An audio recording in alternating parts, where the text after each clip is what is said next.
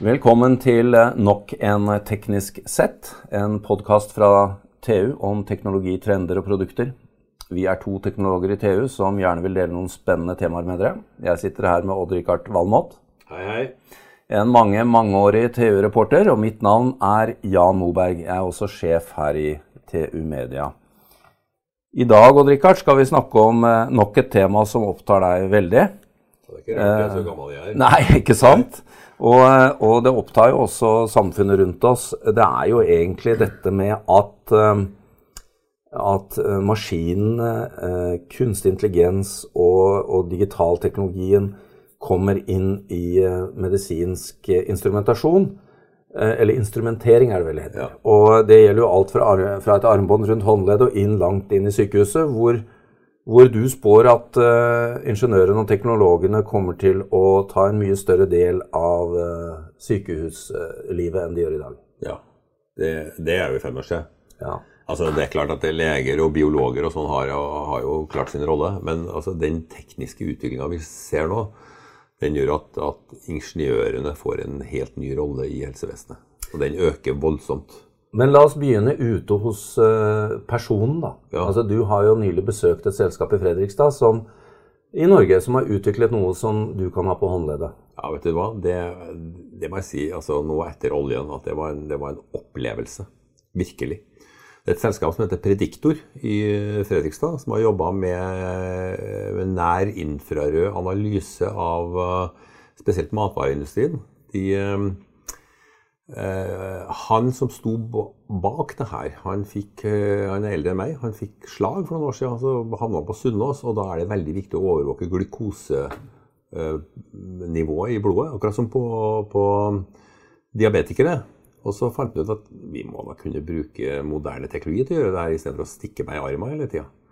Dette var i 2012. Nå har de altså et, et pilotprosjekt i gang et armbånd som du fester på, på overarmen, som gir Det tar en, en prøve i sekundet. Altså de bruker to måleprinsipper. Men de stikker ikke hull på huden? Nei. Og det er prøve, ja, de har tre elektriske prober som som, måler altså, de elektriske forholdene. Og så har de en, en nær infrarød, altså som de fleste pulsklokker har. Men de, de måler mange forskjellige spektre. De kan se altså glukosenivået forandre seg. Og dette, husk på, det som skjer i dag, er at en diabetiker som, som skal overvåkes på en måte, han, han må skifte sensor én gang i uka. De sensorene koster 600 kroner, og de betaler helsevesenet. Og det gjør det over i alle verdens land. ikke sant? De må byttes én gang i uka. Og de må kalibreres over fryktelig hassle. Og når det gjelder unger, så må det stikkes, og det er vondt. Uh, de, de her gjør det på armer. Uh, og det skjer i Norge. Og de, skal til og med, de, de planlegger å bygge en fabrikk på tomta ved siden av for å lage det her. Og de sier at det er vel like billig å bygge fabrikk i Norge som i Kina. Og det, dette, Det er jo, det. dette er jo spennende. Vi har jo Oslo Medtech òg. Altså, det, det skjer ting i Norge som er verdt Ja, vet du hva? Jeg ble, jeg ble helt stønn over det her. Ja. Og, men når, og der kommer du til neste steg. da. Når disse dataene blir samlet inn og du blir overvåka, så vil jo de gå inn i et system. Eh, Ja. Og de har tenkt de tankene der også. Ja. De, skal, de skal bli også en en nettskyleverandør av helseinformasjon som de får fra, fra proben sin. ikke sant? Og, de, de, og de kan ikke ta bare glukose, de kan ta melkesyre og urinsyre og mye rart. ikke sant? Så dette er jo ideelt for sportsfolk også, som vil følge, følge merkesyra si. Og nå er du på et annet segment enn Fitbit og Ja disse idrettstingene. Helt noe helt annet. Ja. Dette er jo det ultimate. Men det betyr at du kommer til å få mye data. Og, eh, og hvis man da kobler dette sammen med det, det mest kjente begrepet er vel IBMs Watson-prosjekt, da, der du har eh, etter hvert mye kunnskap, Ja. så, så vil man jo også begynne å forstå at her kan, eh, her kan det komme varsler, og her kan, her kan systemene begynne å ta vare på deg. Ja.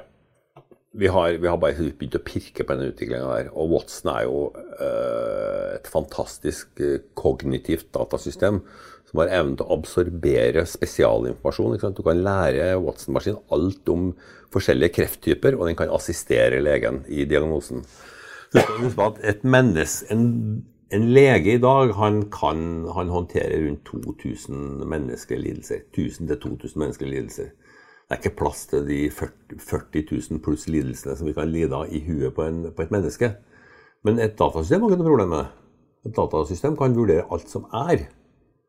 Eh, sånn at vi får, vi får mye mer presis og, datasystem er ikke, er ikke påvirka av øh, døgnsvingninger og mangel på søvn og litt bakgrunns og stress og you name it. ikke sant?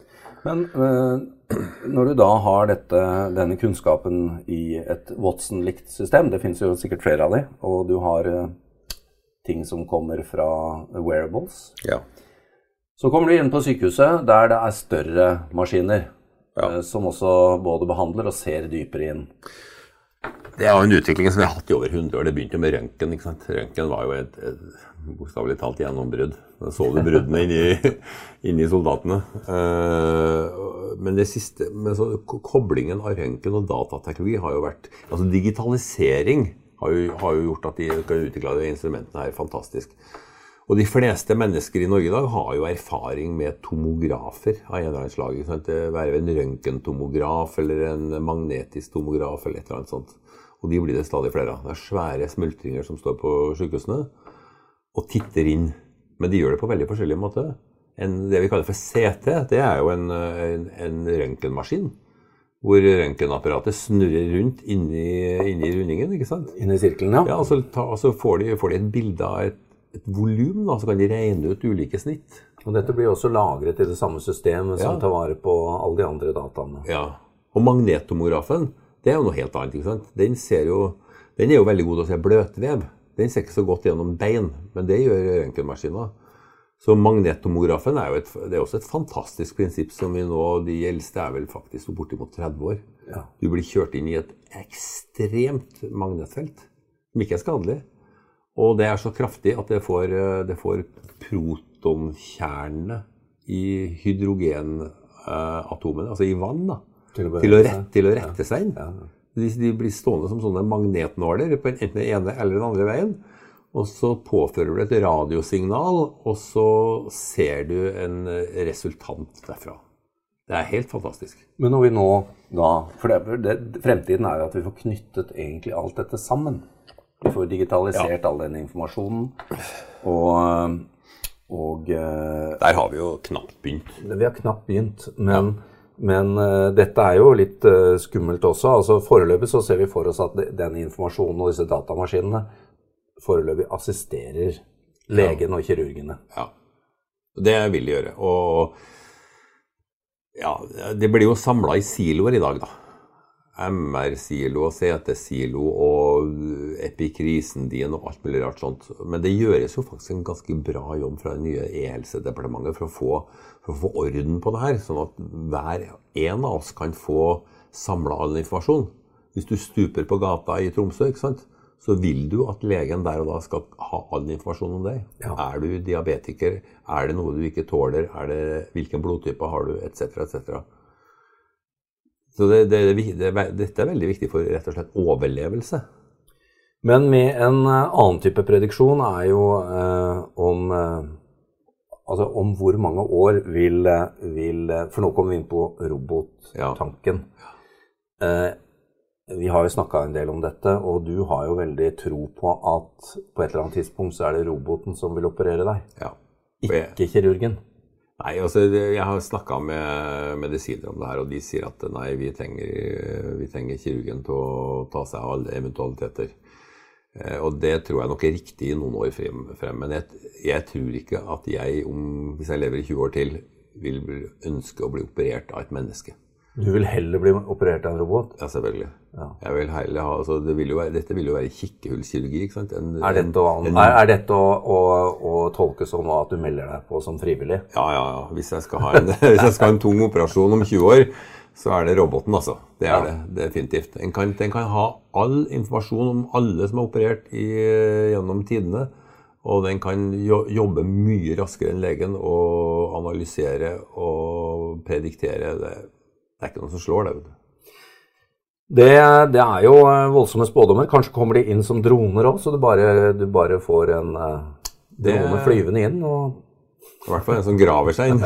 Ordner opp. Høres ikke bra ut. Uh, nei, men, uh, men, det er et annet uh, Vi skal avslutte litt lettere, men Du hadde en hypotese her som jeg syns var interessant. Vi, vi, har jo en som ikke fikk eh, Hvor medisinsk utvikling ikke, ikke, gikk fort nok. Steve Jobs. Han, han døde jo. Ja. Eh, ung.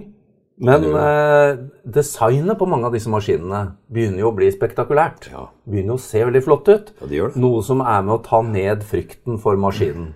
Og Ja. du har en hypotese om at dette har Steve Jobs vært litt eh, Ja, vet du, altså det gjelder, Inspirerende. Det han gjorde, var jo bl.a. å slå et slag for design. Uh, og veldig mange ting i samfunnet nå har fokus på design. Og, det Og brukervennlighet. Faktisk, ja, og brukervennlighet. Og det, har, det gjelder faktisk de her maskinene også. De her store smultringene som står rundt på sykehusene, de nyeste nå, de ser jo fantastiske ut. Det er nesten en sånn fryd å gå inn og bli rulla inn i en sånn. Det er klart at uh, jeg tror, det, tror faktisk det finnes en del sånne tråder tilbake til, uh, til Steve. Han burde ha tenkt litt annerledes på sin egen kreft, men eh, det, for seint nå. det er for sent. Bra, men eh, din eh, hypotese er i hvert fall at eh, disse maskinene skal vi ikke være redd for. De kommer til å hjelpe oss mye mer enn vi aner i dag. Definitivt. Kanskje vi overlever igjen. Kanskje vi overlever.